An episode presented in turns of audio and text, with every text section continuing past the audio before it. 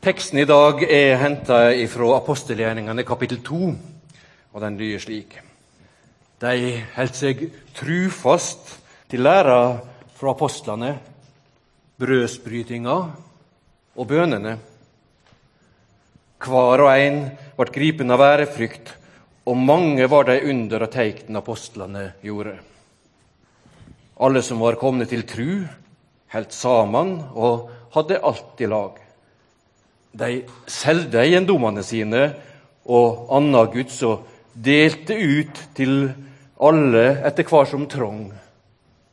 Med ett sinn samla de seg hver dag på tempelplassen, og i heimene brøt de brødet og åt i lag med ekte og inderlig glede. De sang og lova Gud og var godt likt av alt folket. Og hver dag la Herren til nye som lot seg frelsa. Slik lyder Herrens ord. Skal vi be?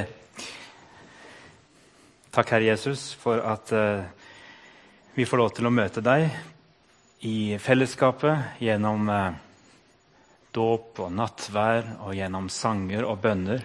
Gjennom uh, ditt ord. Og jeg ber om at du skal møte oss nå i ditt ord og gjennom ditt ord. Jesu navn. Amen. De av dere som har eh, vokst opp med den gamle bibeloversettelsen og har det med seg, de har lært å snakke om de fire b-ene. Er det noen av dere som kan ramse dem opp? Sånn som de sto i, i liksom den gamle oversettelsen, så var det lett å, å snakke om fire b-er med utgangspunkt i dette verset her. Og det var Bibel, bønn, brødsbrytelse og brodersamfunn, eller broderfellesskapet.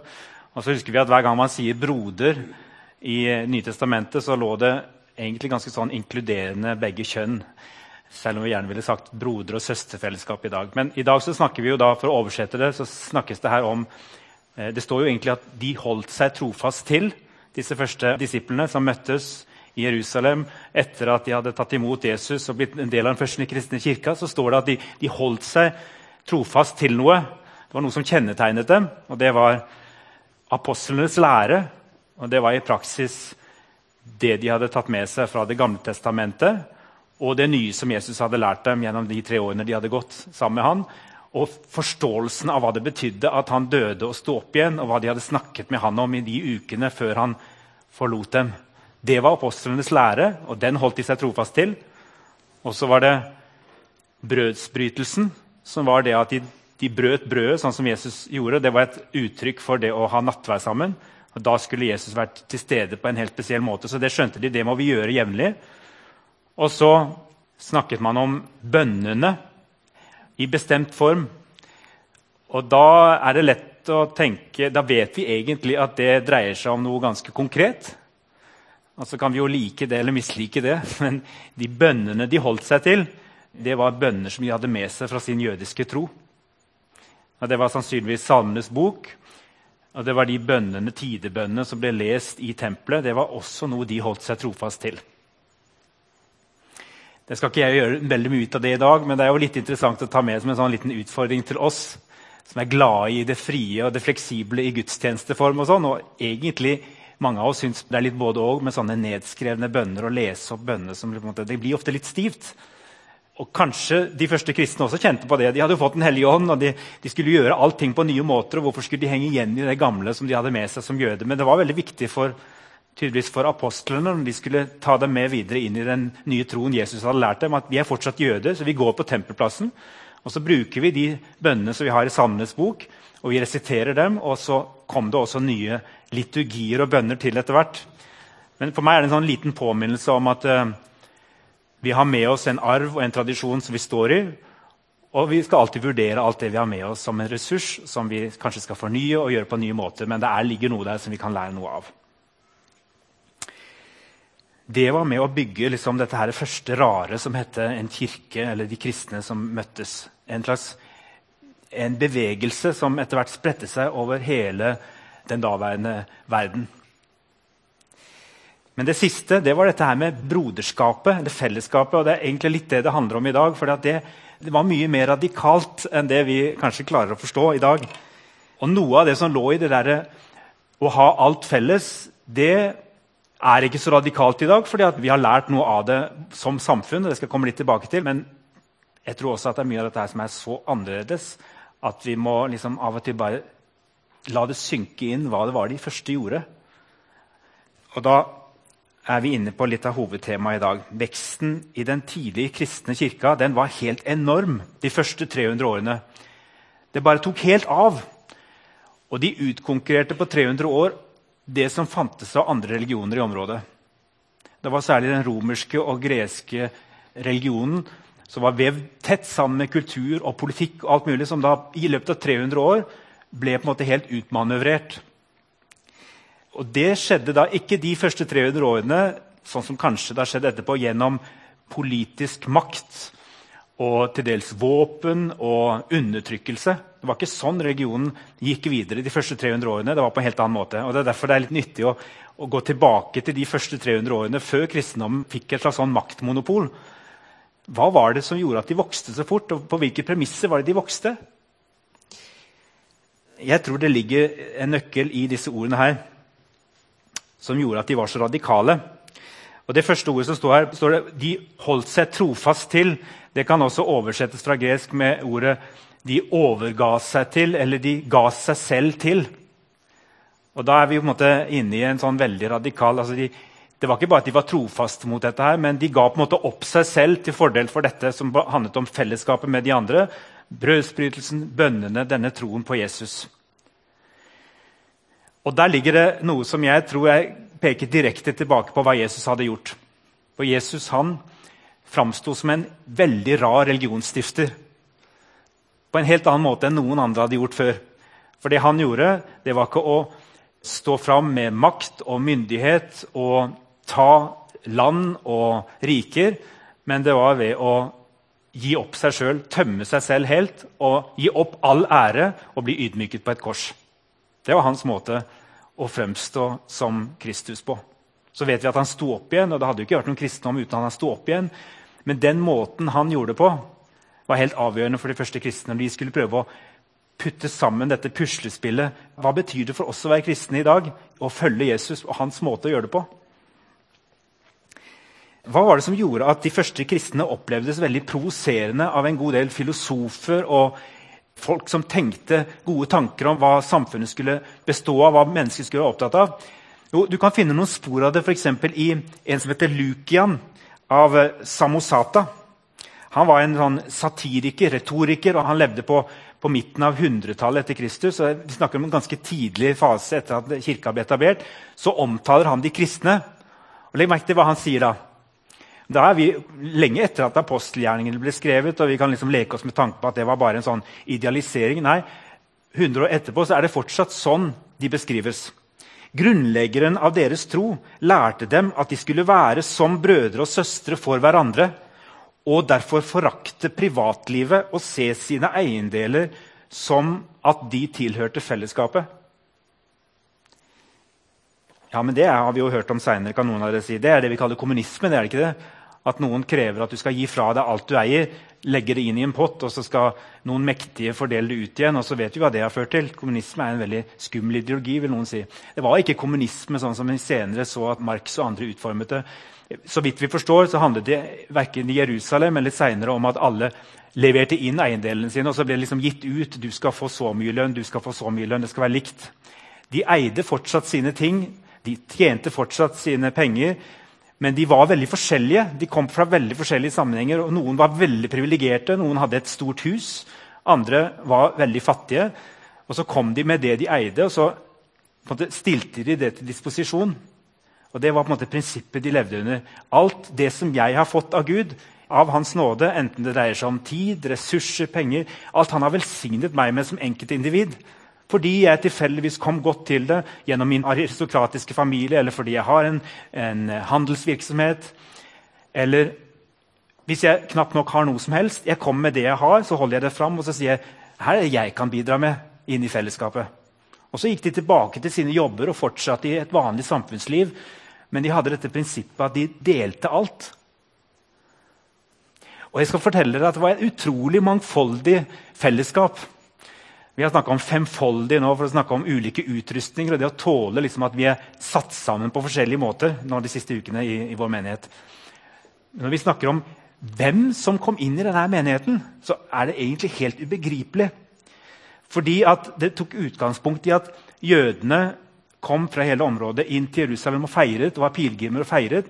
Og Den dagen 3000 ble lagt til den første menigheten, så kom de fra mange forskjellige kanter. Så her hadde vi både de var jo jøder i utgangspunktet, så kom det med folk fra andre regioner etterpå. Men i begynnelsen var det jøder, men med veldig forskjellige bakgrunner. Det var afrikanere som kom opp fra Afrika opp til Jerusalem. Det var med fra Romerriket, fra nordre del av Romerriket, fra gresktalende områder.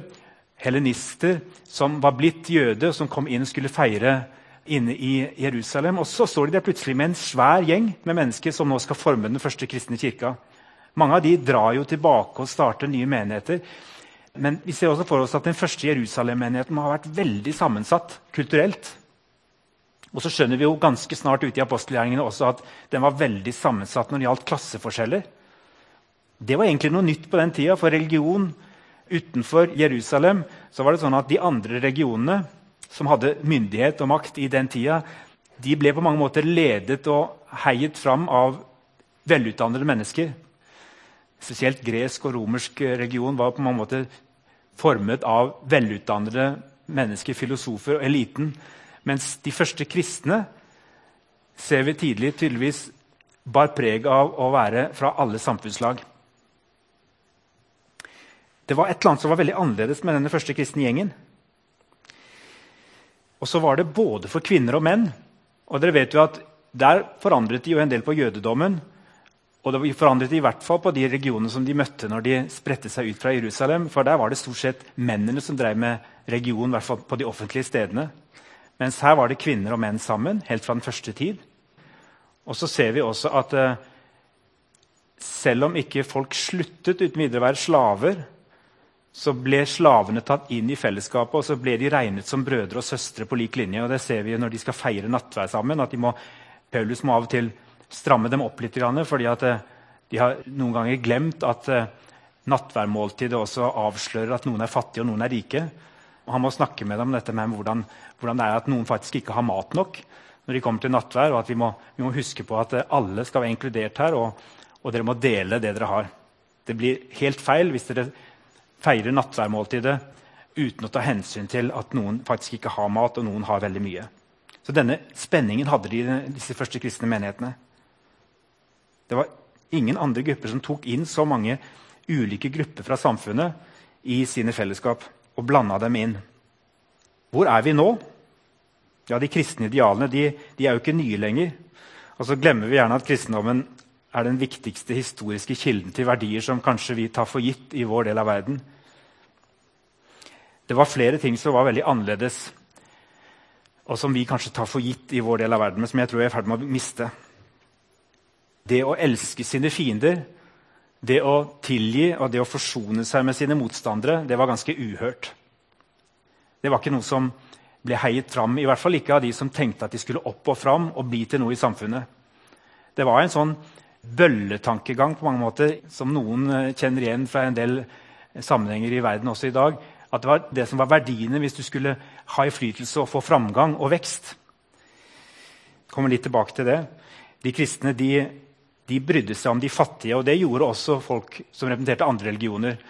Men det med å ikke bare bry seg om de fattige som hørte til sin egen familie, og de syke som hørte til sin egen familie, det var noe nytt. Det var liksom den biologiske storfamilien du hadde ansvar for å ta deg av. Men de kristne de var de første som bygde små hospital, det som etter hvert ble sykehus. Og det handla med utgangspunkt i den barmhjertige samaritan lignelsen om at du skulle ta deg av også de som ikke nødvendigvis hørte til ditt eget folk eller din egen tro. Du skulle ta deg av de som var rundt deg. Og Derfor så formet de sykehus, og de første sykehusene var det de kristne som sto for. Og Så kommer dette at alle mennesker har samme rettigheter. Det sier historikerne kommer fra kristendommen. De tidlige misjonærene som spredte seg oppover i Europa, de ble møtt med motstand fra førkristne europeiske ledere som sa dette er helt sprøtt et samfunn som respekterer hverandre på den måten, som tilgir istedenfor tar hevn, det vil ødelegge hele strukturen vi har bygget samfunnet på. Så kristen moral og kristen etikk møtte veldig mye motstand. Og det var jo ikke alltid at en klarte å stå imot den motstanden. Så Noen århundrer seinere så, så, ser vi jo en, en, kristendom som veldig ofte også tar opp i seg mange av de samme maktstrukturene og bruk av våpen og vold for å fremme sin uh, innflytelse. Men de første misjonærene de kom med et helt annerledes budskap inn. og så sa de det handler om å tilgi og det handler om å forsone seg med hverandre hvis du har noen du er i konflikt med. Det handler ikke om å stå på sin rett, men det handler om å tømme ut seg selv og gi opp seg selv, for det var det Jesus gjorde. Sånn gjorde de. Sånn gikk de fram. Og så sa de noe veldig underlig. De sa det sterke trenger det svake i ett og samme fellesskap. Det er ikke sånn at de sterke er der og de svake er der. Nei, Skal dette fungere, sa de kristne, så, så skal både det sterke og svake ledd være i, sammen i én kropp. Også veldig radikalt. Men disse verdiene vant tilhengere de første 300 årene. Det var dynamitt. Det har aldri vært så sterk framgang for kristendommen gjennom de 300 årene når de virkelig rendyrket disse verdiene, som var så annerledes enn det de hadde lært. Og Så kommer den selv til makten da keiserne begynte å kalle seg kristne. og Så mista den en del av sin sosiale kraft. Men den har kommet tilbake i bølger også senere, gjerne gjennom vekkelsesbevegelser som har rendyrket noen av disse verdiene på nytt og minnet oss om hva som var på en måte kirkens DNA. Vi ser nå hvordan disse samme verdiene får innflytelse på nye steder i Afrika og Asia, der hvor samfunnet kanskje først i nyere tid blir påvirket av kristendom. Hva var det som ga det nye budskapet en sånn kraft? Hva er kilden til dette? her? Tror dere at det var, er mulig at tolv forskremte mennesker som tidligere hadde fornektet sin egen eh, herre, fordi at de var redd for at nå var han borte. Tror dere det er mulig at de bare, plutselig bare satte seg ned og så sa de, ok folkens, Jesus var jo snill med folk. Han gjorde mye godt. han. Skal vi bare prøve å gjøre det samme? folkens? Skal vi bare, skal vi bare være snille mot alle som møter oss? Og så ser vi om det holder. Skal vi, skal vi rett og slett bare bestemme oss for at alle mennesker er like verdifulle, og praktisere det? Jeg tror det hadde fungert veldig dårlig. Så det må være noe mer enn bare det at de husket hva Jesus hadde sagt. De fikk også tilgang til en kraft som gjorde det mulig å gjennomføre det. Det står om dem at de fikk kraft når Den hellige ånd kom over dem. Og da kunne de være vitner i Jerusalem, Judea, Samaria til verdens ende. De hadde tilgang på noe. Det Ordet for kraft det er det samme som, som dynamitt, altså dynamis, som vi også har i ordet dynamitt. Det var en sånn eksplosiv kraft som de hadde tilgang til. Og den lå i disse kjedelige b-ene. Den lå ikke på en måte bare i, i, noe overnaturlig. Den lå i disse fire på en måte litt sånn kjedelige b-ene. Brødsbrytelsen, bønnene, den lære som Jesus har gitt oss. La oss fortelle hverandre hva var det Jesus gjorde. Beskriv fortellingene hans om igjen og om igjen. Fortell det videre til barna våre. Og det fellesskapet der de delte alt. Der lå kraften. Helligånd kom inn gjennom de fire b-ene. Og så, så, handler jo det om at det var Jesus sjøl som var der midt iblant dem med sin ånd. Og som gjør at det var så eksplosivt. Jeg tror det er, det er når vi begynner å stole på våre egne ting, våre egne metoder og våre egne strukturer, som jeg tror skjedde fra og med 300-tallet utover, at en del ting skjer. Det betyr ikke at man nødvendigvis mister makt. Det er fullt mulig å bygge seg opp makt her i denne verden med helt andre metoder enn de Jesus anbefalte. Men hvis en skal ha den typen vekst og ekspansjon som de første kristne hadde, så handlet det om disse typer verdier i Den hellige ånds kraft. For Jesus hadde sagt i sin såkalte øversteprestlige bønn rett før han døde, mens disiplene var til stede, så hadde han sagt Som du har sendt meg til verden, har jeg sendt dem til verden. Jeg helliger meg for dem, så også de skal helliges i sannheten. Det er et veldig sånn vanskelig ord. Men det handler egentlig om dette her. Jeg, jeg gir opp meg selv for dem. Sånn som du har sendt meg fra ditt rike, far, inn i denne verden. Og jeg har gitt opp meg selv og skal dø for dem. Sånn skal de også sendes videre. Gi opp seg selv og gi seg hen til hverandre og til den verden de er en del av. Så radikalt var det. Så ble jo ikke vi kristne bedt om å gjøre det samme som Jesus. nødvendigvis, Å dø for menneskets skyld og stå opp igjen. Jesus har gjort det en gang for alle. Men det er samtidig veldig radikalt at han gir oss kraft til å gå ut og være hans kropp her i denne verden. Ikke for å organisere menighetsliv.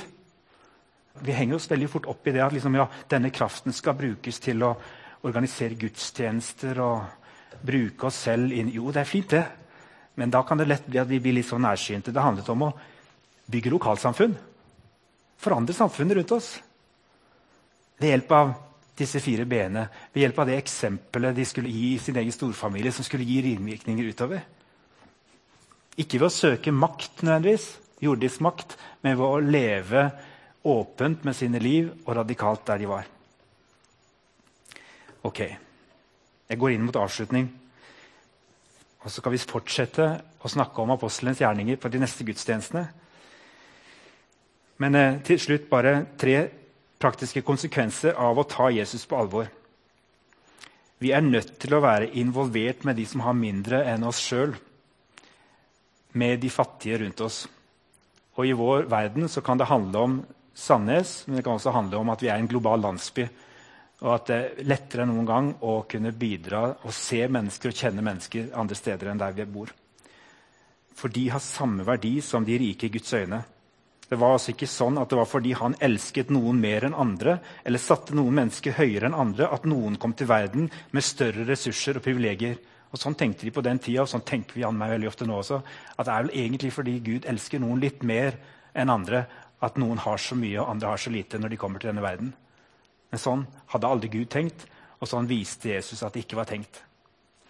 Vi kommer med ulike forutsetninger, vi kommer med ulike ressurser. Noen har veldig mye, noen har noe mindre, men alle har fått ut det talentet, sier Jesus. Og så skal de bruke det de har fått, og dele det inn, gi seg selv inn i fellesskapet. Konsekvens to. Du kan ikke ha en ovenfra og nedholdning til noe menneske i denne verden. Fins ikke noe menneske selv om du kan være aldri så irritert og selv om du kan oppleve at de er aldri så annerledes deg sjøl og, og, vanskelig å være sammen med, så kan du ikke regne deg som bedre enn andre mennesker i denne verden.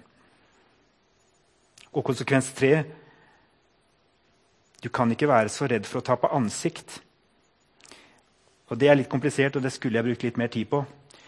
For jeg ser jo at veldig mange i dag kan si til meg jeg må bare bruke to minutter på det, beklager, for Det er lett å tenke at det er lett for deg, Vidar, å si som en privilegert hvit person i verdens aller rikeste land at Jesus har lært oss en tjenerholdning. At vi skal gi opp oss selv og ikke fremme oss selv i noen sammenheng. Og at det var det som var Jesus sitt forbilde. Og så kan noen si ja, har du noen gang prøvd å være slave? Har du noen gang prøvd å være svart i miljøer der hvor du blir undertrykket? Har du noen gang prøvd å være kvinne der hvor det å være kvinne er å være diskriminert? Har du noen gang prøvd å være homofil og være en som på en måte opplever at den er i minoritet? Og så tenker jeg ja, Paulus og Jesus de snakker om et radikalt budskap i møte med alle slags mennesker om likeverd og det som står nedfelt der i menneskerettighetene om at alle mennesker er like verdifulle, det har vi fra Jesus selv.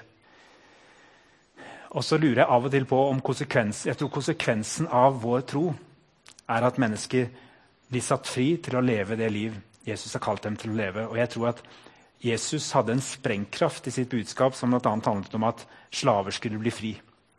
Jeg er overbevist om at eh, vi kristne er kalt til å kjempe mot menneskehandel i dag og mot slaveri og mot undertrykkelse, diskriminering i enhver form.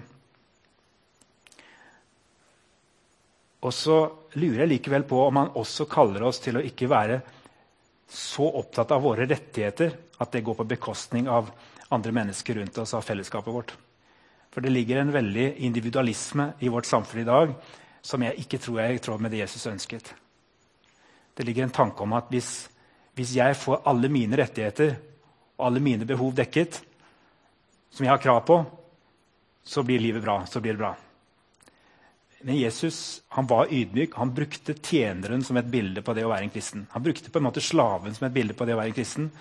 Og Derfor så må vi holde sammen de to tingene samtidig. Vi er alle sammen kalt til å ha en tjenerholdning og nesten en slags slaveholdning til verden. Vi skal tjene de som er rundt oss. Og så skal vi kjempe mot urett samtidig. Mot de som blir undertrykket, de som er slaver i sosial forstand.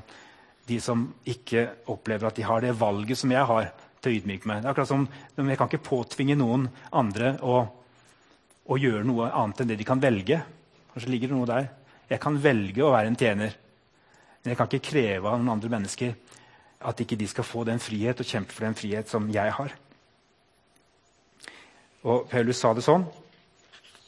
Ble du kalt som slave, sa han i 1. kor 7, 21. La ikke det bekymre deg, men kan du bli fri, så velg heller det.